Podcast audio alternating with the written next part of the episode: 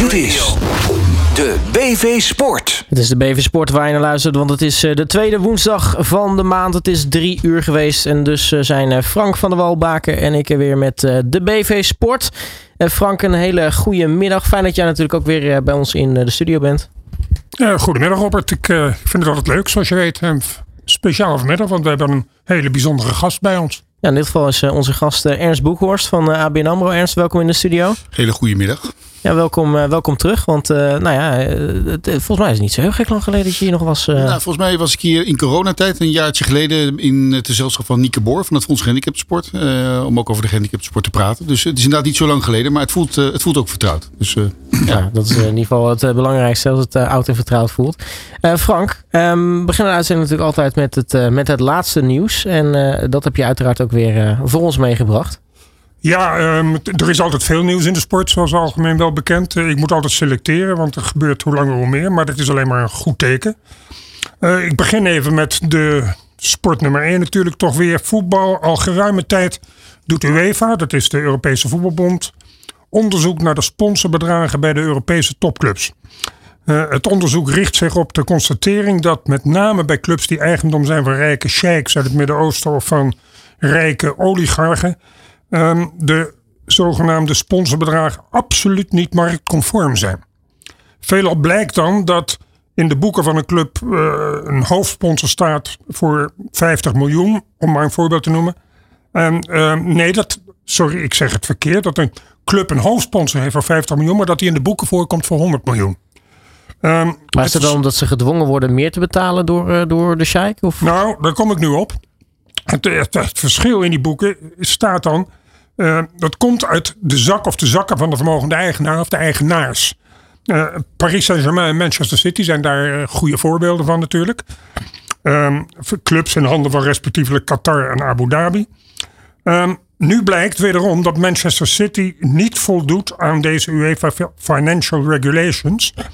En er zouden forse boetes in zitten aan te komen. Nou, naast financiële boetes, die kan de club natuurlijk dragen. Maar zijn er ook sanctiemogelijkheden voor de UEFA om de club uit de Champions League te halen? Waar ze nog in zitten op dit moment. Dus dat is een soort zwaard van Damocles boven het hoofd van City. Maar ze kunnen ook uh, een club uh, uh, een jaar lang verbannen uit de Champions League. En de Premier League, in dit geval voor Manchester City, zou de club niet alleen een boete kunnen opleggen, maar zou de club ook kunnen laten degraderen. In het ergste geval. En dat zou natuurlijk een ramp zijn voor, voor Manchester City en voor Abu Dhabi. Ja, dat zou wel heel erg bizar zijn. Dan zou je een beetje uh, Juventus praktijken krijgen eigenlijk. Ja, vooral omdat de club nog meedoet om alle prijzen. Ja. Um, dan blijf ik eventjes in Engeland bij het voetbal. Het toneelstuk zou ik bijna willen zeggen rond de verkoop van Chelsea. Uh, het heeft weer een nieuwe episode bereikt. De vier kandidaten, die, die zijn er nu, het is een shortlist van vier kandidaten. Eh, die zijn tegen elkaar niet alleen het opbieden in de prijs, maar uh, ze zijn ook uh, voorspellingen aan doen wat ze gaan doen met de club als het zover zou komen dat zij eigenaar worden. Een van die vier potentiële kopers, dat is de Amerikaanse familie Ricketts. Uh, het zijn onder andere de eigenaars van de honkbalclub Chicago Cubs. Um, hebben nu gegarandeerd, die familie, dat Chelsea, als het als aan hun ligt, nooit deel zal nemen aan een eventuele supercup. Als die ooit nog zal komen. Nou, ik vind dat een, eerlijk gezegd een volstrekt loze belofte. Want ah, de supercup is er in deze al. De Champions League is aangepast en het is een soort supercup. En B, eh, als er toch nog een dergelijk nieuw concept zou komen. Dan kan een topclub als Chelsea zich niet veroorloven om niet mee te doen. Want dan zijn ze uitgespeeld op het geldfront. En daar is het dus allemaal om te doen. Dus ik vind dat een lege belofte. Maar ja, aan de andere kant, het, is, maakt de wedstrijd rond Chelsea spannend. Um, ik zet mijn geld overigens op het Britse bod van een meneer Martin Bolton. Die samen met Sebastian Coe werkt. En Sebastian Coe is een IOC-lid. Voormalig gouden medaillewinnaar. Voormalig voorzitter van de organisatiecomité van de Olympische Spelen in Londen. Dus is niet de eerste beste meneer. En die ligt natuurlijk goed bij in Engeland. En de Engelse regering is mede beslissend nu wie de nieuwe eigenaar wordt. Ja. Dus ik denk uh, dat het wel dat Engelse consortium zal worden. En niet al die Amerikanen die in de race zijn. Maar ze zijn daarnaast ook wel een beetje met modder aan het gooien, toch? Naar, naar elkaar toe? Ja, ze zijn elkaar nu allerlei dingen aan het verwensen. En de, het zijn drie Amerikaanse syndicaten die alle drie hun sporen verdiend hebben in de sport, in de NBA, in de Major League Baseball en de NFL, de National Football League. Um, ze zeggen allemaal dat ze daar uh, wanbeleid voeren op financieel gebied. Nou kortom, ze gooien schelden elkaar de tent uit. En het is zo dat drie honden vechten wellicht om een been en de vierde loopt ermee heen. En dat is dan het Britse syndicaat. Um, om nog maar eens even aan te geven dat sport voor rijke heren en vermogende organisaties meer is dan een invulling van een hobby of ego. Dus zo langzamerhand wel bewezen dat het ook nog eens goede beleggingen zijn. Bijna wekelijks eh, heb ik het in mijn podcast over. Al dat, noem het even vreemd vermogen in de goede betekenis van het woord. Al die nou, private equity fondsen. Al die private eh, equity fondsen. Nou, wat te denken van de move die meneer Rob Walton maakt. Meneer Walton eh, was voormalig CEO van warenhuisketen Walmart. Is een zoon van de medeoprichter van Walton, uh, Sam Walton. Intussen is deze meneer uh, Rob Walton 77 jaar oud. Maar nog alert genoeg om een opportunity te, te zien als die zich aandient. Rob Walton is in uh, ver het stadium om 5 miljard dollars te betalen voor de National Football League Club Denver Broncos. Uh, overigens schijnt meneer Walton volgens Forbes 70 miljard dollar waard te zijn. Dus dan die kan die 5 miljard wel missen. Ik kan zeggen, dan klinkt 5 miljard als heel veel, maar dan ineens toch niet meer. Nee, maar dat even als een terzijde. Uh, er schijnt echter wel een tweede kaper op de kust te zijn. Uh, dat is de 59-jarige meneer Robert Smith. En dat is Amerika's rijkste Afro-American. Baas van private equity bedrijf Visa Equity Partners. Uh, die zich op dit moment beraadt om ook een bod uit te gaan brengen. deze week is de deadline, want de franchise is te koop vanwege het feit dat de huidige eigenaar kort, kort, geleden is overleden, meneer Pat Bolen. En de erven willen van de club af.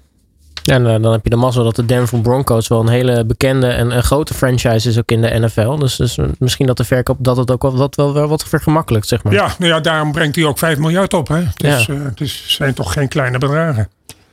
ga ik, maak ik even een overstap naar het Internationaal Olympisch Comité. Het IOC heeft weer een grote slag geslagen. Jarenlang werd de fiscale streep management consultant branche gegund aan de organisatoren van de Spelen zelf.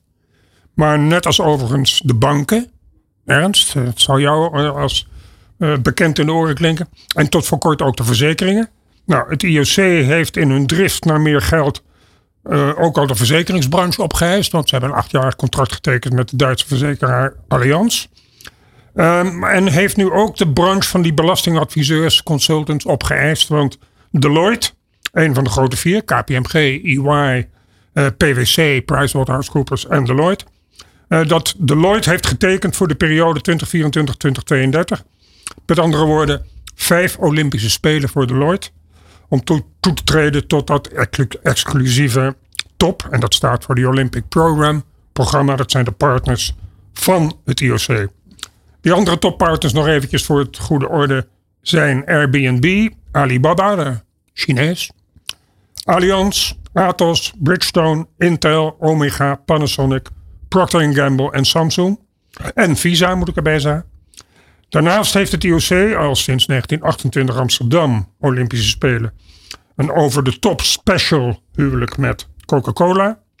En daarnaast ook nog een special huwelijk uh, tussen aanhalingstekens overigens huwelijk met het Chinese zuivelbedrijf Men, Menui, spreek je hopelijk zo uit, en het Japanse Toyota. Uh, deze laatste deals zijn alleen al 3 miljard dollar waard voor de vierjarige cyclus. Alles bij elkaar durf ik dus wel nu de uitspraak aan dat het IOC alleen al uit vaste sponsors, dus exclusief spe specifieke spelersponsors, een bedrag in per jaar van een slordige 800 miljoen dollar. Uh, er zijn bedrijven die minder, eh, minder per jaar. Ja, maar voor de, gooi, voor de ben ik nog niet klaar. Want hier bovenop komen nog eens de bedragen.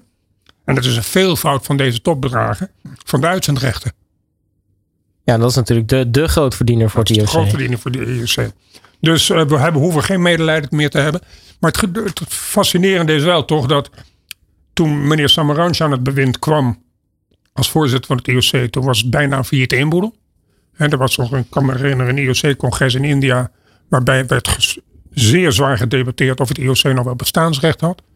Nou, toen is de ommekeer gekomen in Los Angeles met meneer Peter Uberoth, die een nieuw verdienmodel heeft gecreëerd voor, voor het IOC. En dit zijn de gevolgen.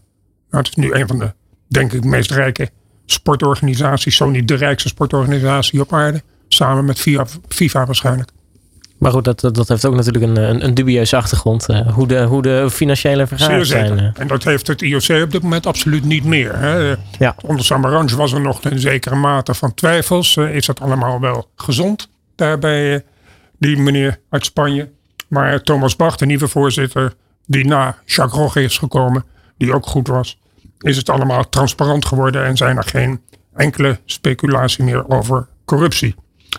Dan, zoals eigenlijk inmiddels wekelijks ook wel bekend, nog even naar de Formule 1. Het Formule 1 circus uh, eigendom van mediabedrijf Liberty Global heeft weer een nieuwe global sponsor aan het reeds indrukwekkende gezelschap weten toe te voegen. Het softwarebedrijf Salesforce heeft voor vijf jaar getekend voor 30 miljoen dollars per jaar. Um, het is een Amerikaans bedrijf. Uh, gaat tevens met Liberty werken aan fan engagement en duurzaamheid initiatieven die er zijn. Want um, Liberty heeft aangekondigd dat het Formule 1 circus moet in 20, 2030, 2030 een zero emissie status uh, hebben. Nou, dat is dus nog negen jaar te gaan en daar gaat Salesforce aan meewerken. De andere partijen aan boord van het Formule 1 sponsorschip zijn Aramco, Crypto.com, DHL, Heineken, Emirates, MSC Cruises, Pirelli en Ro Rolex. Gemiddeld wordt er door deze bedrijven een slordige 40 miljoen per jaar opgehoest. Met andere woorden, het levert sowieso aan sponsoring om en bij de 350 miljoen per jaar op. Ook hier weer, dit is exclusief de mediarechten, die vele malen nog meer zijn. En dus natuurlijk uh, wat ze in, in Natura doen voor de Formule 1. Want dat, dat hoor je nu wel de hele tijd. Uh, ze hebben het over niet alleen meer sponsorbedragen. Maar natuurlijk ook wat ze daarnaast nog doen voor Formule 1. En wat ze, wat ze daarmee bezig gaan houden. Ja, en wat, wat uh, de, vanwege de populariteit van Formule 1. Die nog steeds met de dag groeit. Wat ze ook doen voor de landen waar gereisd wordt. Ja. dus niet, niet, niet voor niets dat Saudi-Arabië heel hoog op de lijst staat van Liberty. Omdat ze bereid zijn 50 miljoen dollar betalen voor een race. Moeten ze wel een, een, een aanslag uit Jemen uh, slikken, maar hè, dan, dan heb je ook wat. Tot slot, voordat we overgaan naar onze gast uh, Ernst Boekers. Even een vraag aan jullie beiden. Niet echte zaken doen, maar wel, wel leuk ook voor onze luisteraars. Wat verdient meneer Gianni Infantino, de Akela, de hoogste baas van FIFA, per jaar? Ja, ga, jij, ga jij het eerste gokje doen, Ernst, of ik? Ik denk dat deze meneer goed is voor uh, uh, 7,5 miljoen. Nee, zo, zo, oh, zo, zo, gelukkig is hij nog niet. Oh, ik, ik, ik, ik, zat, ik zat hoger te denken, maar dan weet ik dus dat ik laag Ik, ik denk, nou ja, 3,5 dan. dan ga ik, uh, nou, je zit er heel dichtbij. Net, net 3. 3 miljoen per jaar. En dat is netto. dat vind ik al een, een waanzinnig hoog bedrag. En, en hoe, ik, wat, ik maar Frank, dat is netto neem ik aan in Zwitserland. Ja, dat is netto. Ja, dan zit ik met 7,5. Zit ik niet ja, zo slecht. Ja, zit je niet Dank, zo slecht. Dankjewel. En, en, dat is, en dat is dan alleen vanuit de, vanuit de FIFA? Of uh, heeft hij nog uh, bijverdiensten? Nee, is alleen uit FIFA. Oké. Okay. Kijk, en wat ik niet begrijp is... Kijk, dat die man, de hoogste baas van het voetbal wereldwijd... dat hij goed salaris heeft, dat begrijp ik volledig. Dat is ook terecht. Maar dat, dat zo'n man 4 miljoen moet verdienen, belastingvrij... Dat, dat, dat, hoe kan je dat verdedigen naar de voetbalwereld? Nou ja, er zijn voetballers die meer verdienen. Ja, ja dat is waar. Maar goed, ik vind het een waanzinnig hoog bedrag. En het wordt weer, ook weer uit allerlei bonussen uh, wordt het samengesteld. En het is allemaal weer vaag. En nou ja, kortom, ik vind het uh, niet passend. Maar ik denk dat het in lijn is, Frank, wat je net zei, dat daar natuurlijk ongelooflijk veel geld wordt verdiend. Dus dat is een hele andere wereld. En dan is misschien, zoals wij terecht naar elkaar kijken nu, en dan is dat bedrag eigenlijk misschien helemaal niet zo heel hoog. Voor die wereld. Dat wij er ons over verbazen, dat is natuurlijk terecht, maar in de voetbalwereld niet. Nee, dat is waar. Maar als je dan zegt, het is de voorzitter van FIFA, uh, Wereldvoetbalbond, prima. Als je dan zegt, eventjes iets naar beneden gaat in de piramide en dan kom je terecht bij de voorzitter van de KNVB. Ja, ja, de, wat, wat, wat, en de voorzitter van de Engelse bond. De voorzitter van de KVB is in, is in een soort commissariaat. Die krijgt een onkostenvergoeding. Ah. De directeur van de KVB die, die heeft een goed salaris. Maar de voorzitter van de KVB. Nou, en meneer Infantino is voorzitter van de FIFA. Hij heeft ook een heel executive committee van mensen die op het FIFA-kantoor werken. Die ook miljoenen verdienen. Ja. Ja, wanneer is iets marktconform dat kun je natuurlijk gaan afvragen dan. Ja, nou, ik, ik weet zeker dat meneer Thomas Bach voorzitter van het IOC, die kan je toch vergelijken met meneer Infantino, dat die niet 3 miljoen verdient. Nou, we zitten aan een keer aan een vraag. Voor de volgende uitzending hè, Ja. Frank? Ik ga, ik ga dat uitzoeken. Ja, Ja. precies. Ehm, nou, zometeen gaan we natuurlijk eh, in gesprek met jou, Ernst. Eh, maar ik zou zeggen, laten we eerst even een slokje water drinken. En dan eh, luisteren naar eh, The Dark van Purple Disco Machine en Sophie and the Giants. Dit is de BV Sport. De BV Sport op All Sports Radio met eh, vandaag eh, te gast in ons midden Ernst Boekhorst van ABN AMRO. Ehm, ja, Ernst, eh, laten we maar eh, beginnen met eh, misschien de mensen die jou niet kennen. Wat, wat doe jij precies bij, bij ABN AMRO? Eh, ik mag bij ABN AMRO eigenlijk van oudsher, of een aantal jaren al, flink aantal jaren, de sponsorclub eh, aanvoeren. En daar is eigenlijk bijgekomen door de jaren heen eh, een, een hele mooie ABN AMRO Foundation. Waar wij maatschappelijke werkzaamheden doen met heel veel medewerkers. Onze kunststichting. En ik ben ook verantwoordelijk voor het merk. Merk ABN AMRO en haar productmerken, labels, submerken, et cetera. Dus dat is een, mooie portefeuille met ongeveer 30 mensen waar we daar ja, met veel passie elke dag mee aan de slag gaan. Ja. Maar we gaan het vandaag primair hebben over sport. Dat eh, zou je begrijpen. Het heet de Sport, Ja. Sport. En ik moet je in eerste instantie nog wel even felicite- feliciteren met de sponsoring die jullie hebben gewonnen. Ja, twee Jaarlijkse- zelfs, Frank. Ja. De jaarlijkse prijzen voor de beste sponsorcases. Dus van harte, dat is altijd een goed teken. ja. Het is een heel professioneel instituut geworden. Dus eh, Nou ja, ik- en ik denk dat het ook wel, eh, als we het dan over sport hebben, en dan gaan we, dat komt zeker straks sprake. We hebben gekregen voor ons programma Club van Morgen. En dat is specifiek ook wel een beetje de draai die we zelf gemaakt hebben in onze sponsorportefeuille. Dus daar zijn we extra trots op dat dat ook gezien wordt. Hè. Een prijs is altijd leuk en dan kan je een feestje vieren. Maar het ook een soort erkenning van mensen herkennen wat we doen. Dus dat was een, een mooie maandagavond. Ja, en wat ik, wat ik dan ook mooi vind van deze prijs is dat het een, een traject is. En dan in wezen zeg je dat al. Dat niet direct zichtbaar is voor de consument. Het is voor de clubs zichtbaar. Ja. Eh, en meestal is het zo dat mensen geneigd zijn eh, iets te kiezen wat zichtbaar is. Maar hier is een, zit een goed concept achter, zit een gedachte achter, continuïteit zit erachter. En dat, eh, dat al een prijs wint, dat is een pleit voor ABN AMRO, maar pleit ook voor de jury van de sponsoring. Ik hoop dat ze luisteren. Ehm, Ernst, ehm, eh, banken behoren tot de grote sponsors wereldwijd. Dat, dat zal jou niet zijn ontgaan. En zeker ook in ons land. Ehm, leg mij, of leg ons eens even uit waarom jullie hebben gekozen voor- in de sporthoek dan voor de drie kanalen hockey, waarin jullie zeer nadrukkelijk zitten, op clubniveau met name, maar ook met de Euro, Euro, Euro, Hockey League moet ik zeggen. Daarnaast hebben jullie gekozen voor ABN AMRO, eerste shirtsponsor. En nu zijn jullie daar nog ste- steeds een hele belangrijke sponsor voor het vrouwenvoetbal en de jeugd. En jullie hebben natuurlijk het, het inmiddels ja, zeer beroemde en zeer populaire WTT-toernooi in eh Ahoy Rotterdam. Ja. Eh, zeg eens, kan je in korte lijnen zeggen wat is de achtergrond van deze keuze? Nou, kijk, een aantal dingen die je noemt, hè, als het gaat om Ajax of het gaat over het ABN AMRO World Tennis Tournament. Zeker zin ook wel hockey zijn natuurlijk al dingen die in het verleden zijn eh, ontstaan en die daar ook eh, in ontwikkeld zijn. En alleen kom je natuurlijk op een punt van ga je door met bepaalde partnerships of pas je ze aan of stop je ermee.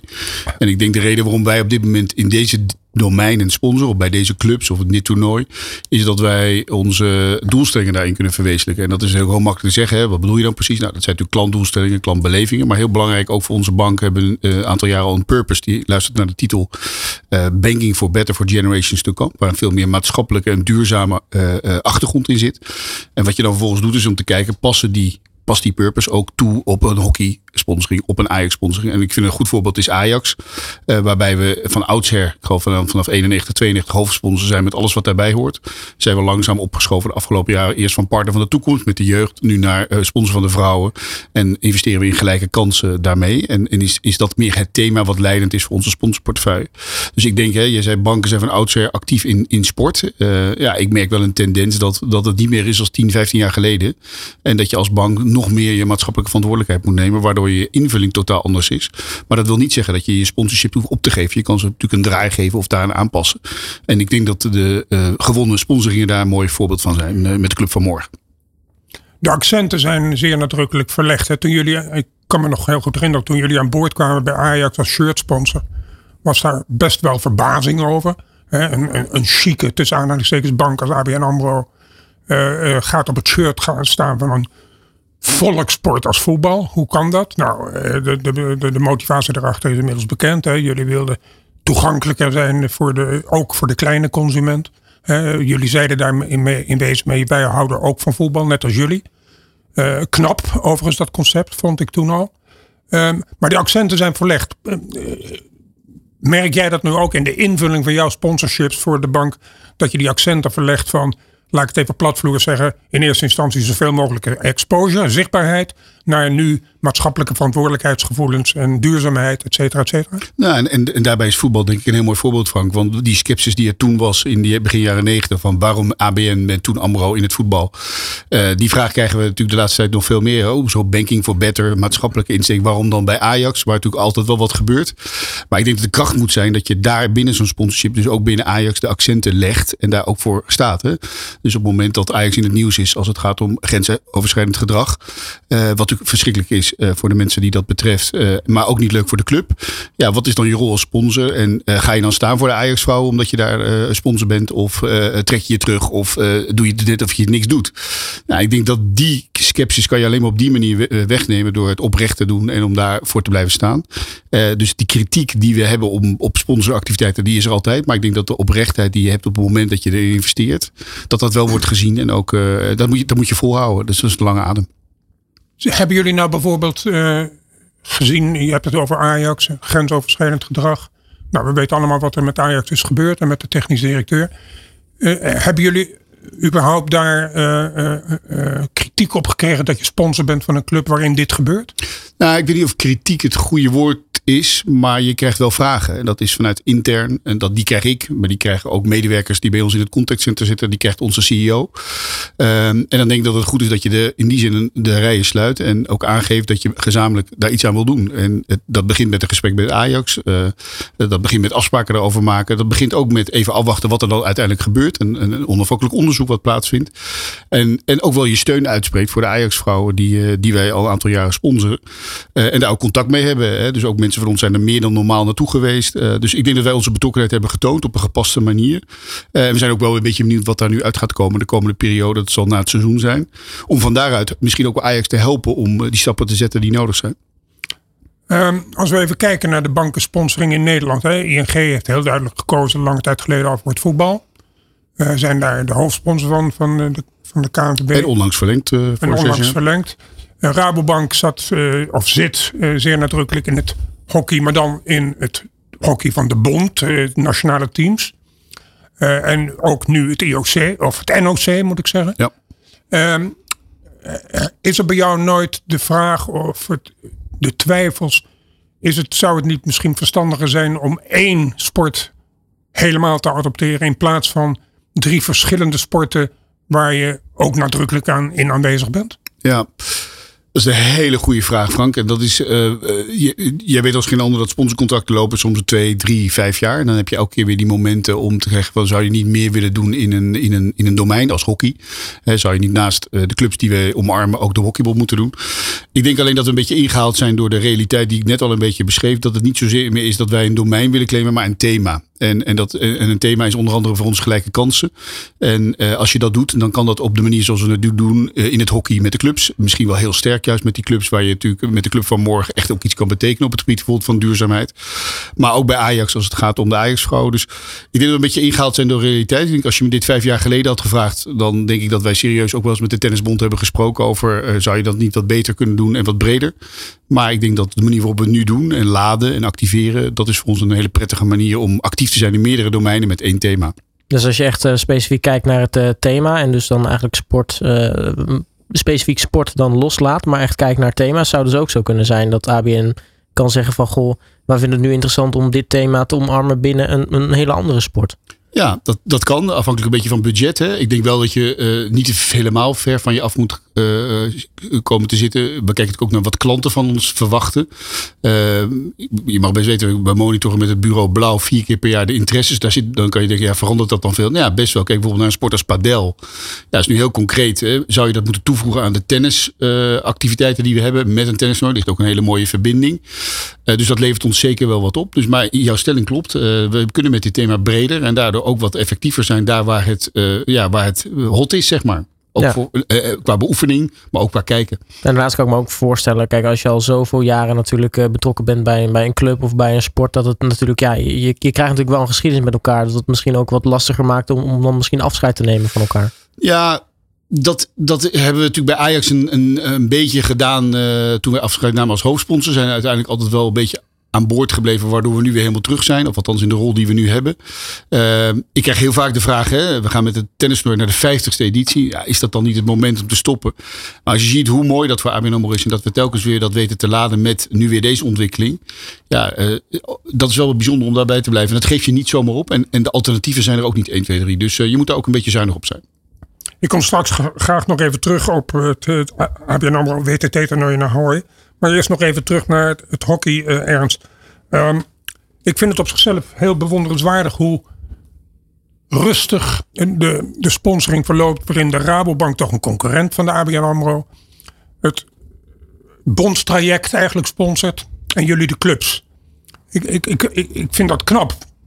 want, want meestal is het zo dat een sponsor praat over exclusiviteit in de sport die hij kiest. Ja.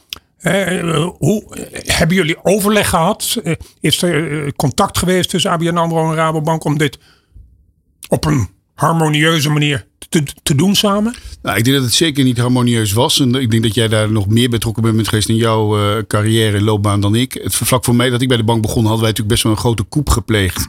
Door heel veel clubs uh, te omarmen. En dat ook wel met budget gedaan. Ik denk dat die jaren daarna hebben wij denk ik wel redelijk genormaliseerd. En dat Ra Rabo een aantal clubs en de bond en wij. Wat ik nu wel zie, en dat vind ik wel zorgelijk, is dat Rabo zich eigenlijk een beetje terugtrekt uit de clubs. Dan zou je kunnen zeggen, nou dat vindt ABN AMRO misschien wel fijn. Want dan hebben ze meer ruimte. Maar ik vind het helemaal niet fijn. Want ik denk dat de hockeysport echt wel geld nodig heeft. En, en, en dat ook die, die clubs dat geld nodig hebben. Um, en even op jouw vraag te antwoorden. Nee, er is geen overleg. Als er overleg is, gebeurt dat vaak via de hockeybond. Dus als er activiteiten zijn, evenementen. Dan maken we daar afspraken over met de bond. Dus het is niet zo dat Rabo en ABN in die periode of in de afgelopen tijd met elkaar hebben gezeten.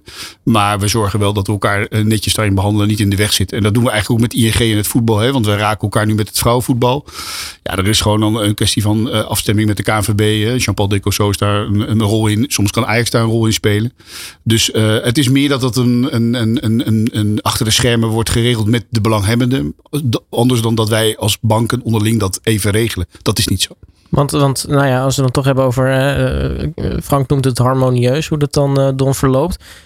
Wil dat dan zeggen dat, dat nou ja, ook al is Rabobank dan een concurrent van, van ABN AMRO, dat, dat misschien qua concurrentie eigenlijk wel meevalt? Dat het dan toch uh, dat jullie elkaar toch misschien als collega's zien in plaats van echt als concurrenten elkaar proberen de tent uit te vechten? Nou, kijk, ik denk dat, uh, dat je bankair wel concurrenten bent, want je bent verschillende bedrijven, je hebt allemaal verschillende klanten en je wil elkaars klanten misschien wel uh, bedienen. Ik denk alleen dat sponsoring, en daar hoort ook de maatschappelijke kant bij, juist een manier is. En ik ben een heel groot voorstander. Zou je niet met Rabobank samen in het hockey iets kunnen doen voor gelijke kansen? Of zou je met ING niet samen iets kunnen doen voor het vrouwenvoetbal? Vind, vinden, we, vinden de mensen best ingewikkeld als we dat hebben? Nou goed, wij staan daar wel voor open. Omdat ik denk dat je als je uh, allianties maakt, ben je sterker. Dus misschien dat het speelveld sponsoring maatschappelijk het wat makkelijker maakt om dat goed met elkaar te regelen. Dan dat we misschien als uh, bedrijven uh, soms ook concurrerend zijn met betrekking tot het werven van klanten of het aanbieden van diensten. Ja. Ernst, ehm, je zult net als ik en zoals vele anderen constateren dat de media-aandacht voor het hockey zeker niet omhoog gaat, maar eerder omlaag gaat. En um, zeker voor het clubhockey. Um, baart dat je zorgen? dat baart mij al langer zorgen. Uh, um, en ik denk dat dat, dat dat probleem ook wel onderkend wordt. Hè. Ik kom nog uit de tijd dat de Telegraaf op pagina 3, en jij kent dit soort namen als Charles Taylor en Hans Woudstra, uh, uitvoerig geschreven over het hockeyen. ik denk dat we ook concurrentie hebben gekregen van Formule 1. nou, schaatsen voetbal was natuurlijk altijd er, maar ook volleybal, handbal en alle andere sporten. En ik, denk, ik vind persoonlijk dat het hockey stil heeft gestaan. En stil in een hockeyopzet, in een competitieopzet. Uh, de clubs uh, hebben natuurlijk geen verdienmodel als zijnde. Uh, je kan er gewoon naartoe, dat is heel friendly. Maar is het nog van deze tijd dat je niks betaalt? Ja, is het dan wel wat waard? de bond heeft dat ook onderkend. En ook de hockey-CV, de, de, de vereniging van de hockeyclub samen. Maar dat traject loopt al een jaar. En uh, ja, ik, ik, mijn, mijn bescheiden observatie is dat de urgentie wel eens ontbreekt. Als het erop aankomt, denkt de individuele club toch, ja, bij ons gaat het wel goed. Waarom zouden we veranderen? En dat gaat soms om hele kleine dingen als uh, waar moet de finale gespeeld worden van een play-off? Of uh, mogen er bij ons wel of geen tribunes? Of onze internationals krijgen die wel een vergoeding? er komt nu een plan aan wat gericht is op het volgend jaar. Ja, en dan hoop ik echt dat, dat dat nu ook doorgedrukt wordt. Maar het is nog geen uh, gelopen race. Ik denk dat het echt een, uh, een voorwaarde is voor de toekomst van het hockey. Het clubhockey in, op, op hoofdklasseniveau hebben we het dan over. Zowel bij ja. de dames als de heren. Ja. Zou het misschien ook iets te maken kunnen hebben met het feit dat we niet echt, op dit moment althans, niet echt helden hebben uit het hockey. We hadden vroeger de Pauletjes, de Ties Kruisers van deze wereld. Die waren bekende Nederlanders. Ja, ja, ik, heb nog, ja ik heb nog de tijd van Teun meegemaakt. Die ook Ja. pas overigens in zijn laatste eh, jaren eh, die populariteit eh kende. Teun de Nooijer, even Teun voor de luisteraar. ja, excuus. Ehm, ja, volgens mij begint het met hoe aantrekkelijk is je competitie. En, en spelen daar alleen maar Canadezen en Duitsers? Of zijn dat Nederlanders die, die met drie, vier buitenlanders spelen? Of Je niet? beantwoordt mijn volgende vraag. Ja, hebben de buitenlanders Dan, dan, dan vinden we het ook leuk om er naar te kijken. Waar kan ik het kijken? Wordt dat gedaan door een goede mediapartij als Ziggo? Of staat dat ergens via een partij waar je online met een, een camera die ergens hangt kan zien? Ja, het heeft allemaal met kwaliteit te maken. En dat kost geld. Ja, en dan kan je zeggen, ja, kip en het ei. Maar ik denk dat de sponsoren waren er. Hè. Wij zijn aan boord. eh, Rabo was aan boord. Maar eh, Tulipkeukens is aan boord. Maar er is weinig aanwas. Dus eh, er moet iets gebeuren. Iets doorbroken worden eh, door de clubs. eh, door de bond. eh, om dat eh, eh, recht te trekken. En nogmaals, dat gaat niet in één jaar. Dat, maar dat moet in meerdere jaren. Anders gaat het, eh, gaat het mis. Je noemde net al even Tulpkeukens. Vind je dat een logische sponsor voor de hockeysport? Nou, ik, ik heb zelf geen tulpkeuken. Eh het is, eh, ik heb wel een presentatie van hun bij mogen wonen. Zij zijn super serieus in het, eh, in het hockey. Je, zij zouden prima passen. Alleen je zou de hockeybond of de hockeygemeenschap meer partners gunnen. eh, dan alleen tulpkeukens en dan alleen ABN AMRO. En, en, en daar mogen ook misschien wat, misschien wat bekendere merken bij. Als die, die we allemaal van vroeger kennen. Eh, de bekende automerken, et cetera. Maar dat, dat is gewoon eh, niet waar de sport op dit moment in zit. En, en het is niet alleen de, de, de bond die ermee te maken heeft. Hoewel die nog wel een goede sponsorpyramide heeft. Maar ik ga maar eens op de gemiddelde clubs kijken. Wie daarnaast ABN AMRO sponsoren. Dan zijn het vaak lokale partijen. En niet meer de landelijke of regionale bedrijven. En, en, en dat was wel zo. Ja. Ja, je schetst net een eh, situatie. Zegt, eh, nou ja, het is eigenlijk een soort van cirkel. Eigenlijk moet er een partij zijn die dat eh, kan doorbreken. Wie acht jij dan nou uit- uitermate geschikt voor als partij om, om die doorbraak te forceren? Eh, ik denk dat dat een mediapartij moet zijn. Die bereid is te investeren. eh, of een wat langere termijn eh, in kwaliteit. En nogmaals, hoeven niet alle wedstrijden live. Hè, want dat is nu volgens mij bij Icons de ambitie. Ik denk als je elke, elke speelronde, één bij de dames, één bij de heren, een goede topper. je, kijk ook eens naar je speeldata. Is dat zondagmiddag half drie als Max Verstappen rijdt? Of spelen we liever om 12 uur of later? Of misschien wel op zaterdagmiddag? Al dat soort dingen. Maar er zijn zoveel meningen. Want de ene club vindt dit, en de andere club zegt ja, op zaterdag dit. En ja, er moet ook wel een soort leiderschap zijn van ja, jongens, eh, eh, deze meneer of mevrouw. Die heeft het voor het zeggen. Die gaat ervoor, of een groepje. En, en, dan, en dan houden we ook op met zeuren. Want dan, ga- dan gaan we het gewoon doen. En, en dat mis je. Van, eh, ik noemde net al, we wilden nog even terug naar tennis. Ehm, wanneer wordt er een vrouwentoernooi toegevoegd aan het eh ABN AMRO WTT in Ahoy? Ja, eerst was natuurlijk eh, de vraag, en die heb ik hier volgens mij ook wel eens gehad. Komt er niet een duizend toernooi? Hè? Ja. Eh, eh, een terechte uit, eh, de challenge Duizend punten toernooi. Duizend punten toernooi. We zijn nu een 500 punten toernooi. En dat betekent eigenlijk dat je de toppers eigenlijk automatisch eh, moeten spelen. In plaats van dat we ze nu moeten verleiden om te komen. Eh, en de laatste jaren, zeker de Onze Gelijke Kansen eh, campagne, eh, hebben we natuurlijk de vraag kan je niet ook een vrouwentoernooi eraan toevoegen? Nou, dan hou ik natuurlijk het technische verhaal dat de ATP en de WTA verschillende soorten eh, eh, bonden zijn. En dat je met vergunningen te maken hebt. Je hebt te maken met capaciteit en Ahoy. Eh, antwoord is voor nu niet opportun. Waar we wel serieus naar kijken met Ahoy is een vrouwen wheelchair toernooi. En dat ligt natuurlijk ook wel dichter bij ons, omdat wij ook eigenaar zijn van het wheelchair mannen toernooi. Eh, en via die stap zouden wij de eerste stap willen zetten om vrouwen toe te laten of toe te eh, welkom te heten op het, eh het tennistoernooi in Rotterdam. En dat is natuurlijk ITF en niet een WTA of een Nee, ATP. dan hebben we, al, we zitten al met de ITF en de ATP. Maar met de ITF hebben we inmiddels zo goed contact. Dat, hoewel het ook niet vanzelf gaat. Maar zij staan open voor die gesprekken. Maar je hebt ook met Ahoy te maken. Die natuurlijk ook bereid moet zijn om te investeren in extra ruimte, banen, et cetera. Ja, hoe ver zijn jullie eigenlijk af van eh, een eventuele duizend punten status? Want ik bedoel, het zou natuurlijk heerlijk zijn als je bijvoorbeeld eh, eh, een race kan plaatsen in bijvoorbeeld nou ja, met, met Monaco erbij. En, Je bedoelt voor de mannen dan, Ja. hè? Dat is ver weg. En dat, dat, dan zou je Richard even uit moeten nodigen. Richard Krajcek, toernooidirecteur, om het technisch uit te leggen. Maar dat, dat is echt een vergunningskwestie. En volgens mij, als ik het heel goed uitleg, is dat alleen Frankrijk heeft een vergunning die met ons zou kunnen ruilen. De Franse vergunning is van de Franse bond. Ja, en de kans dat zij zeggen, nou weet je wat, dat doen we niet, is heel klein. Dus we zitten in een wachtkamer die, waar we al een tijdje in zitten. Dus eh, dat, is op dit moment niet opportun. Je noemde net al de mogelijkheid of de gedachte om padel, een opkomende sport, zeer populair, di- nauw verwant aan het tennis. Eh, om dat bijvoorbeeld toe te voegen. Eh, jullie zijn altijd innovatief met het WTT-toernooi. Uh, er heeft altijd wel een. Uh, nee, ik moet goed zeggen, de laatste pre-corona-toernooi uh, heeft er een padelbaan gelegen. Zonder dat iedereen zich überhaupt afvroeg: God, dat is padel. Hè? Dat, maar dat was, dat was een eerste kennismaking. padel heeft zich in coronatijd enorm ontwikkeld. En er is zoals mij nu zelfs sprake dat in september een groot internationaal padeltoernooi komt. Wij hadden met de, met de vergroting van Ahoy, van de verbouwing en de extra ruimte, het plan om een groot padeltoernooi recreatief te organiseren. In, maar toen ging, kwam corona. dus wij gaan kijken richting de 50 of we daar een link mee kunnen maken. Omdat die beleving en het actief beoefenen, uh, ja, het zou een beetje raar zijn als we daar helemaal niks mee zouden doen. Ik weet niet of dat gaat leiden uiteindelijk dat we naast het tennistoernooi, dat is ook weer lastig met vergunning, of we dan ook een officieel padeltoernooi. Hè? Want je had het net over helder. Ja, ik zou nu niet de top drie van de padel uh, heer of dames kunnen noemen in de wereld. Maar dat die sport eraan komt, daar mogen we niet aan voorbij gaan. Denk. Nee.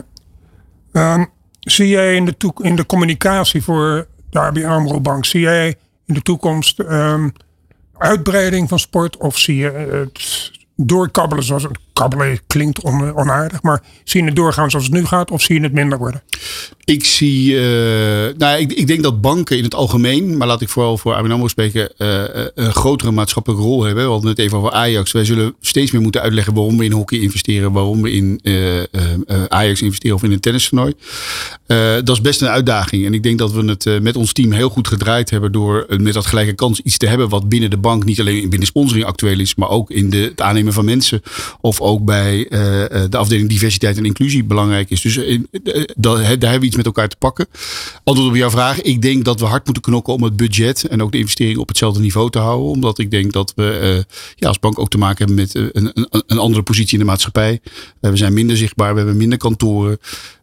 Dus wat dat betreft zal dat ook zijn impact hebben op de sponsorbudgetten.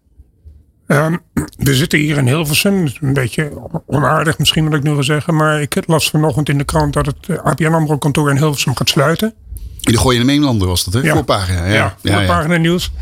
Um, is sport niet een ideaal middel juist om die toegankelijkheid van de financiële dienstverlening die jullie doen toch nog dicht bij de mensen te brengen? Ja, ik denk dat, dat, dat uh, even los van het feit dat dit een hele serieuze ontwikkeling is hè, voor de financiële sector, dat we natuurlijk steeds meer kantoren sluiten. Uh, vroeger was je zichtbaar op elke hoek van de straat als bank. Uh, andere ontwikkeling is hè, dat de geldautomaten zijn nu overgenomen door Geldmaat, een stichting van de Verenigde Banken, waardoor je ook niet meer ziet ABN AMRO of ING in in de, in de winkel staat op de automaten. Het is al een aantal jaren zo, Frank, dat, dat events en activiteiten op sport het elkaar op willen ontmoeten. Dat sponsoring of evenementen daar een goede rol in kan spelen. Dus die ontwikkeling is er al. En gelukkig post-corona merken wij ook dat iedereen daar weer volop insteekt. Hè. Dus als je kijkt naar de Champions League wedstrijden van Ajax, de Euro Hockey League van dit weekend. Ja, die zijn, ik zou bijna zeggen, klantwise helemaal uitverkocht. En dat bevestigt een beetje jouw beeld. Dat mensen elkaar toch willen ontmoeten en toch even aandacht willen hebben van zijn of haar bank. En uh, daar ben ik blij om dat dat in ieder geval uh, dat dat nog kan. Ja, weer wel, kan. Had volgens mij best wel een lekker weekend tegemoet. Uh, bekerfinale met Ajax, ja. de Euro Hockey League. Ja, die is vandaag begonnen. En uh, bekerfinale vrouwen ook maandag. Ook, ja. Dus we moeten ons in een team een beetje in, in een aantal groepen verdelen. Maar ja, heerlijk dat, dat, weer, dat het ook weer kan en gebeurt. In plaats van dat je het allemaal vanuit huis moet beleven. Ernst, um, waar ben je als sponsorbaas van uh, ABN AMRO uh, nou het meest trots op? En waar heb je spijt van? Zakelijk gezien. Ja, ja. Ja, ja, dit is wel. Uh, nou ja, ik weet niet hoe lang. Nee. Uh, spijt van vind ik altijd een beetje een uh, lastig woord. want ja, je neemt besluiten en dat doe je vaak in afstemming met je, met je team. En, en, en dat leg je voor aan een board en dan ga je ervoor. Ik denk wel dat je soms teleurgesteld bent. En, en, en, en het woord spijt of teleurstelling is voor mij altijd heel voelbaar. En dat is echt wel een paar keer gebeurd als je voor het tennistoernooi in, in, in een paar dagen van tevoren weet dat Nadal komt of Federer komt, maar hij komt niet. Ik kan je zeggen, dan, dan ben je echt wel zagrijnig. En dan heb je bij, bij, bij wijze van spreken, sorry, spijt dat je toch weer voor die ene one uh, speler bent gegaan. In plaats van een breder speelveld die je budget hebt gedeeld met, uh, met, met aandacht, zeg maar. Dus dat zijn wel dingen waar je wel eens over nadenkt. Ik heb ook wel spijt als mens dat ik afscheid heb moeten nemen van bepaalde partnerships. Terwijl je weet, nou ja, voor de bank is het beter. Of we kunnen het niet meer ons veroorloven. Of de klant heeft een andere behoefte. Bijvoorbeeld vind ik KLM Open, blijf ik een fantastisch evenement vinden. Past heel goed bij onze private bank. Ja, op het moment uh, moet je keuzes maken en, en dan valt die af. Uh, gelukkig is het evenement door, uh, nog, is er nog steeds met de support ook van ING. dus dat zijn wel dingen die dan spelen. Maar dat is altijd anders dan spijt. Dat is soms wel jammer. En, en, en ja, af en toe in het voorbeeld van de tennistoernooi wat ik noemde. Ja, dan, dan baal je wel even een dag met z'n tweeën. En dan moet het toernooi nog beginnen. Hè? Dus dan, dat vraagt me wel wat, zeg maar. En waar ben je trots op? Uh, trots ben ik op het feit dat wij als team. Uh, en dat is niet uh, voor de bühne dit, maar we hebben best een, een klein team van vier, vijf sponsor ja, gekken, zeg maar. Uh, vol passie. Daar zit ook wel wat wisseling in.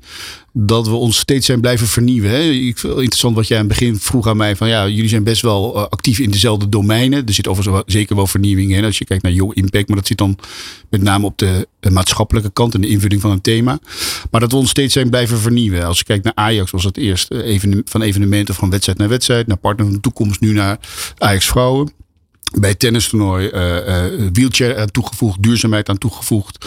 En nu kijken we weer naar een vrouwentoernooi. het feit dat we steeds die ontwikkeling kunnen maken, dat maakt dat ik elke dag denk: hey, wauw, ook in coronatijd achter mijn scherm. Uh, het is heel bijzonder om voor deze club en met deze club te mogen werken. En dat maakt trots. Uh, we staan bijna aan de vooravond. Het is weliswaar nog, nog zeker een maandje of acht te gaan, maar, of zeven. van het wereldkampioenschap voetbal in Qatar. Um, uh, een van de grote sponsors van voetbal in Nederland is jullie concurrent ING. Um, ehm, nou, Qatar staat ter discussie natuurlijk van iedereen. Uh, toernooi gaat natuurlijk door. Dat kunnen ze niet meer cancelen, ook al zouden ze willen. Uh, ING wordt af en toe nu gedwongen, door, mede door de media, om meningen te geven. hoe sta jij daarin? Wat als er zoiets zou gebeuren waar ABN AMRO bij betrokken is?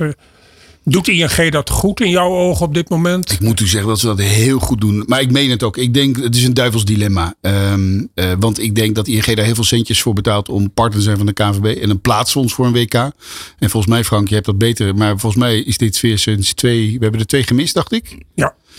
Dus dan denk je, we gaan en we gaan niet. En dat geldt niet alleen voor medewerkers, dat geldt voor klanten, dat geldt voor de, het bestuur. Uh, en dat geldt ook voor de, alle activaties die je daarbij doet. Dus ik denk dat dat echt wel een, uh, een, een besluit is. Ik vind het wel een heel goed besluit en ook het enige mogelijke besluit. Het enige waar ik ze wat ik ze zou gunnen, is dat je, ja, ik zou bijna zeggen, je kan wel gewoon, denk ik, met dat Nederlands elftal in Nederland uh, uh, acties doen. Of ik zag, Albert Heijn, denk ik, heeft denk ik altijd uh, de voetbalplaatjes. Ja, ik zou het wel persoonlijk, maar ook als wel als bankverantwoordelijke, best wel sponsorverantwoordelijke ver gaan dat je dan ook dat niet mag doen. Dat je niet gaat of dat je er afstand van neemt, dat is één. Maar ik vind wel dat je met de KNVB en met dat elftal uh, zou kunnen activeren. En dat je daar dan nog eens even kritisch kijkt wat dat dan precies is. Dus uh, dat, dat zou mijn, uh, dat, zo zit ik erin. Maar ik denk dat wij bij de ABN AMRO bij dit soort beslissingen hetzelfde zouden doen als, als ING. En ik heb ook contact met ze gehad en ook gevraagd naar de achtergronden. Daar kan je alleen maar respect voor hebben. En dat is denk ik niet alleen voor de bühne. Hè. Ik denk natuurlijk is de maatschappij verantwoordelijk.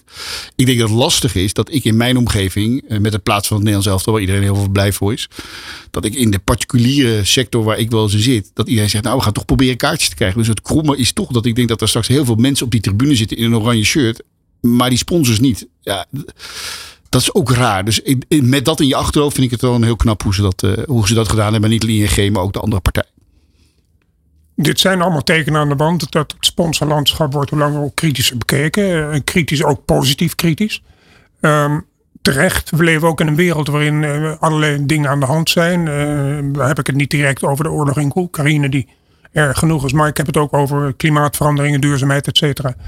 Um, het sponsorlandschap zal ook daarmee te maken krijgen. Is op een gegeven moment, gaat zich de vraag voordoen uh, mag Coca-Cola eigenlijk nog wel sport sponsoren. Want Coca-Cola is bewezen geen gezond product voor kinderen. Ja. Uh, we kunnen wel zover gaan. Mag Toyota nog wel sponsor zijn van het IOC? Een van de belangrijke partners van het IOC. Omdat ze gas uitstoten. McDonald's. En McDonald's. Ja. Uh, houdt dat je bezig. Deze veranderingen eigenlijk in de kritische samenleving waarin we, we leven. Uh, en de belangrijkheid van sport die alleen maar toeneemt. Ja, in die zin houdt het je bezig. Uh, vakinhoudelijk zeker. Omdat ik denk dat natuurlijk zullen er van dat lijstje namen die jij net noemt sponsoren blijven. Omdat ze elektrische auto's hebben of zich ontwikkelen bottom line denk ik uiteindelijk dat we daar last van gaan krijgen als sportevenementen. Die, dat moet betaalbaar blijven. Clubs hebben sponsors nodig om spelers, uh, teams te laten functioneren. Dus ja, het houdt me bezig. Omdat ik denk uiteindelijk dat die druk gaat leiden tot minder betrokkenheid van sponsoren in sport. En dus gaat dat misschien wel ten koste van de kwaliteit van de sport. Ja, want ik kan me voorstellen, op een gegeven moment heb je natuurlijk, iedereen is bezig met thema's als duurzaamheid en dat soort zaken. Ja, partijen die zich over het algemeen daarin mengen zijn natuurlijk nog niet zo groot qua namen. Ook qua budgetten dan bijvoorbeeld een partij als nou ja, eh, bekende eh, partijen als Shell of, of, of, eh, petroleumpartijen. Die nou, natuurlijk ook wel de druk voelen om, om te veranderen. Maar nog altijd het meeste geld hebben om in sport te steken. Dus aan de andere kant krijg je natuurlijk ook nog niet die aandacht voor die partijen die zich bijvoorbeeld wel op het duurzaamheidsvlak mengen. omdat ze nog niet genoeg geld hebben om zich er misschien tussen te, te werpen. Eh, je bedoelt dat ze nog niet groot genoeg zijn om te investeren. Ja. Eh, punt. Eh, maar aan de andere kant denk ik dat er misschien wel ruimte voor komt. Omdat de partijen die jij net noemt, neem een Shell of neem een McDonald's, minder geld of misschien niet zal kunnen investeren. Dus er komt ruimte om andere partijen te omarmen. Ik denk overigens wel, hè, dan is McDonald's, ik heb even geen oplossing. Hè, maar ik denk wel dat bedrijven enorm hard bezig zijn om zichzelf wel daarin te... eh, verbeteren, aan te passen. Om in ieder geval daar projecten te ontwikkelen. Waardoor je eh, eh, wel aan boord kan blijven. Eh, Maar dat het impact zal hebben omdat je het niet meer kan activeren of niet meer de rechten kan benutten zoals je dat nu doet, dat staat denk ik wel vast. Dus ik vind dat best wel een zorg. Eh, ik denk overigens wel dat er altijd nieuwe partijen zullen komen voor de grote sporten. Dus ook die, misschien die partijen die nu nog niet dat geld hebben omdat ze zich Ja. nog eh, moeten ontwikkelen. Kan je een, een indicatie geven, voor zover dat mogelijk is, van welk percentage van jullie vo- volledige marketingbudget naar de sport gaat? Ik denk dat, eh dan moet je even zeggen, van de, van de totale marketingspend, dus ook eh, commercials, beter Ja. wonen, et cetera. Eh, naar de sport gaat dan denk ik een eh, mm, mm, eh, 15 procent. En is dat vergelijkbaar, voor zover je dat weet, met ING en Rabobank? Eh, nee, dat weet ik. Dat is minder. Eh, eh, ik heb niet de meest actuele cijfers, maar we benchmarken dat natuurlijk wel Ja. één keer in, in de twee, drie jaar. En daar lopen wij op achter. De eerlijkheid gebied ook te zeggen dat wij een kleinere bank zijn dan deze twee die jij net noemt. Dus in verhouding kan ik er wel mee uit de voeten. Eh, het andere punt is natuurlijk wel hoeveel budget heb je om te activeren. Dat is misschien wel belangrijker. Eh, en daar lopen we wel achter ten opzichte van de, de concurrent. En, en we hebben afgelopen jaar proberen dat ook eh, te doen door betere keuzes te maken, waardoor je budget vrij speelt. Maar daar, dat is nog een veel belangrijke factor. Dat je niet alleen de rechten kan betalen, maar er ook iets mee kan doen. En, en daar hebben we de afgelopen anderhalf, twee jaar een enorme slag geslagen. Maar zijn we er nog niet ten opzichte van de concurrentie. En dat is niet alleen de banken, maar dat, dat geldt ook voor de, de grotere retailers als Heineken of Red Bull, et cetera. Want als je een kleinere taart hebt om te verdelen in zijn totaliteit, zul je dan denk ik altijd een kleiner deel overhouden Ja. om dan in te kunnen investeren in, eh, in bijvoorbeeld sport. Ja, dat klopt.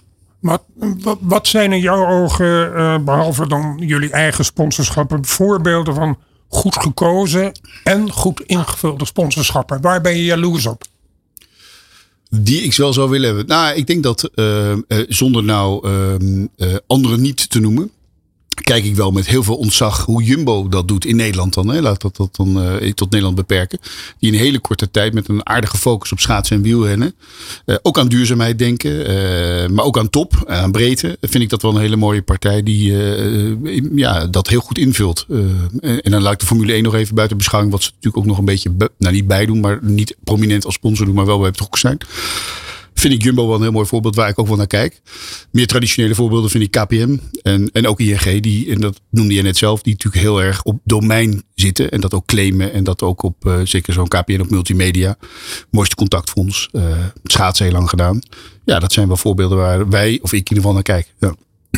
Hypothetisch, stel dat je onbeperkt budget zou hebben. Ja. Wat zou je erbij doen? Of zou je alles overboord gooien en iets heel nieuws doen? Eh, nou, ik denk dat je nooit overboord moet gooien wat goed is. Hè? Dus ik denk dat je dan misschien nog wat kritischer kan kijken van wat je zou willen hebben. Als je kijkt naar de dingen die we nu hebben, zijn we super trots op. Dan, dan zou ik het altijd willen beantwoorden. Wat zou je erbij willen doen? En dan hoef ik niet aan duurzaamheid en, en dat soort dingen te denken. Nou, dan, dan vind ik, de, eh, hoewel ik zelf helemaal niet een super kenner ben, maar voor de aandacht die het nu krijgt, is de Formule 1 natuurlijk wel een enorme aantrekkingskracht. Eh, maar dat is voor mij allemaal helemaal geen optie. Maar dat vind ik wel een hele mooie ontwikkeling die ze daardoor maken. Wat heel veel mensen daar niet weten, is dat er heel veel duurzaamheid aan duurzaamheid wordt gedaan, wat helemaal niet wordt verteld. Eh, ik heb daar stukken van gezien van mijn collega Hans-Erik Tuit. Ja, ik denk dat over vijf, zes jaar daar een hele andere ontwikkeling staat. Nou, ik denk dat ja, als AMRO daar op de bank die er nu is, ook daar verder in is, zou dat zomaar iets wel kunnen passen in de, in, in de toekomst. Maar als je kijkt naar de, dag van, de dag van vandaag, vind ik dat wel een hele mooie, gave sport die zich enorm ontwikkelt, ook door Max natuurlijk. Ja, maar jullie zijn natuurlijk nu eh, vooral nationaal in plaats van Ja, internationaal. eens. Maar je vroeg aan mij van wat zou je Ja. nu willen doen zonder Ja. enige rem? Ja. Nee, eens. eh, de- dit, wij zijn een, een, een, bank die zich richt op Nederland en Noordwest-Europa. Eh, ja, de Grand Prix worden gereden in het Midden-Oosten en in de rest van de wereld. Maar dan heb je natuurlijk nog wel races als, eh, als Zandvoort. Dat is natuurlijk ook in Nederland. Ja, je kan zeker ook, uh, maar dat, dat, kunnen wij nu niet doen. Je zou je kunnen committen aan de race. Uh, maar vanwege onze uh, ja, Banking for Better for Generations te komen. En daar hoort ook duurzaamheid bij, vinden wij dat niet passen. Dat neemt niet weg dat ik denk dat er heel veel klanten, dat weten we ook het onderzoek, heel graag naar de Formule 1 gaan en daar ook komen. Maar goed, dat is nou eenmaal voor ons even niet aan de orde. Nou ja, en conform dan het Better Banking for, for Better Tomorrow, zeg maar. Principe. Nee, nee, Banking for Better for Generations to come. Die inderdaad. Die vergeet jij niet meer. die vergeet ik niet meer. Maar even voor, voor dat principe, wat, wat is dan nou ja, de, de, de ultieme droom als, als je kijkt naar dat principe, wat nog eventueel in, in Nederland uh, of, of Noordwest-Europa, zoals je zegt. Uh, ja, nee, dat, dat, dat is wel interessant dat je dat vraagt. Wij hebben eigenlijk wel de, nou niet de opdracht, maar de uitdaging van onze boord. Om te kijken wat je aan die maatschappelijke kant eigenlijk nog iets groots zou willen doen. Dus we hebben de, de mogelijkheid om naast de sporten die we doen en de culturele dingen die we doen, uh, aan die kant, aan dat Banking for Better, nog wat toe te voegen. Het punt is alleen dat dat vaak nooit de grootte heeft van, uh, van de sport. Uh, dus dat zullen altijd kleinere sponsorships zijn. En het voorbeeld wat ik net even tussen de bedrijven doornoemde is Young Impact. Een, een, een organisatie die heel veel jongeren in beweging brengt uh, op maatschappelijk gebied. De initiatieven, ondernemerschap, ja, dat is heel klein. Maar dat zouden wij heel graag groot willen maken. Een ander voorbeeld is het Jeugdeducatiefonds. Zit wat verder van de sport. doen we met de foundation. Waarbij kinderen in kansarme gezinnen helpen met hele kleine dingen. Tot schoolreis op school, internet. Nou, ik kan er hele mooie verhalen over vertellen. Ja, dat samen groot brengen, ja, dat kost vijf tot tien jaar. Dat zijn dingen die we ook doen, alleen die zijn nu nog niet zichtbaar. Um, Ernst, uh, afsluiting. Ik, ik, bespeur een, een, een, in mijn ogen in ieder geval gevaarlijke tendens in de Nederlandse sport. We hebben een tijdperk gehad van uh, veel aandacht en keuzes voor topsport. Met alle resultaten van dien. we doen het goed. We staan in de top 10 van de wereld. Um, in mijn ogen is dat een ideale uitgangspositie ook voor onderkant van de piramide voor de breedte sport. Topsport heb je nodig om breedte sport Absoluut. te motiveren. Ja. Maar nu met nieuwe mensen aan het roeren en mede door corona denk ik, uh, is opeens alles gefocust op bewegen. Bewegen, bewegen, zoveel mogelijk mensen sporten bij. Ik ben zo bang dat daardoor de topsport wordt verwaarloosd. Heeft mede te maken met nieuwe poppetjes op verantwoordelijke stoelen, in Papendal met name. Uh, deel jij die angst? Uh, nou, ik weet niet of het angst is, maar ik, ik, die zorg is er. Uh, ik denk dat het aan de opvolgers, uh, en dan kijken we met name denk ik naar de wissel die Maurits Hendricks heeft gedaan, inmiddels met André Katz. Hoe gaat hij om met die veranderende druk of die veranderende ontwikkeling? En, en, en behoudt hij wat goed is en is er ook oog voor de breedte? Ik denk overigens wel dat we ons ook niet uh, hoe zeg ik dat? Als ik nou kijk, dan neem nou weer het hockey. Ik ben zelf natuurlijk wel betrokken bij, bij de verschillende clubs die wij sponsoren. Uh, ja, daar zie je toch wel dat daar ook de breedte wel wordt uh, nou, verwaarloosd. Hè? Terwijl ik denk, je kan alles gooien op jongetjes D1. Maar kijk ook eens in de leeftijdscategorieën daar uh, omheen. En, en hou ze eens wat langer bij elkaar. Dus uiteindelijk denk ik, door dat te doen, denk ik dat je ook de topsport dient. Hè? Omdat er uiteindelijk een grotere vijver is waar je uit kan vissen. Dat geldt bij het voetbal net zo. Maar het wordt denk ik ook vanwege die maatschappelijke druk die je benoemd, best een uitdaging voor de opvolger van Maurits. Om dat overeind te houden. Dus ik deel die zorg. Ja, dan je bent een sportkenner, je bent een sportgek. Uh, zo heb ik je leren kennen. Uh, in de positieve zin des woords, uiteraard. Uh, zondag hebben we een, een leuke, aansprekende, spraak- en smaakmakende, hopelijk, bekerfinale. Ajax-PSV. Wie wint? We hebben er twee. We hebben op zaterdag, in, zondag inderdaad Ajax PSV met de mannen. En zondag, eh, maandag dan paasmaandag bij Ajax uh, PSV ook bij de vrouwen. Uh, mijn voorspelling is, uh, dat is natuurlijk heel lastig. ik denk dat Ajax mannen winnen met, in de verlenging. Met 2-1. En ik denk dat de Ajax vrouwen, heb ik laten zien spelen. Vond ik erg onder de, was ik erg onder de indruk. Te, ook tegen PSV. winnen met 1-0. Kijk eens aan. Nou, ik, uh, ik kan niet anders als Ajax en de, deze voorspelling onderschrijven. nou, dan zal deze Feyenoord zich nog even koesteren. Heel goed. Ja. Volgend jaar ben jij weer aan de beurt, Robert. Precies. Hey, uh, Ernst Boekhorst, mag je hartelijk danken natuurlijk uh, voor je komst naar de studio. Natuurlijk uh, nou ja, veel plezier dit weekend. En natuurlijk eigenlijk ook wel vanaf vandaag, want het hockey moet Dus we beginnen vanavond, speelt de Club Kampong. Morgen Bloemendaal en dan rolt zich dat toernooi verder uit tot finales op paasmaandag. En is het uitverkocht? Uh, nee, nog niet helemaal. Uh, maar de, moet ik het goed zeggen, de finale dag, dus dan maandag wel. Maar daarvoor uh, kun je nog kaarten kopen via de, via de EL-site. Ja. Nou, zeker doen. Dus Frank van Welbaken, jij natuurlijk ook hartelijk dank voor je komst naar de studio. Wij zien elkaar volgende maand weer. En dan was dit de BV Sport. Mocht je hem gemist hebben of iets gemist hebben, dan kun je dat natuurlijk van, vanmiddag nog terugvinden via allsportsradio.nl. Kun je terugluisteren naar de podcast. En wij zijn dus volgende maand weer met een nieuwe aflevering. Dus ik zeg alvast tot dan. Dag. Dit is de BV Sport.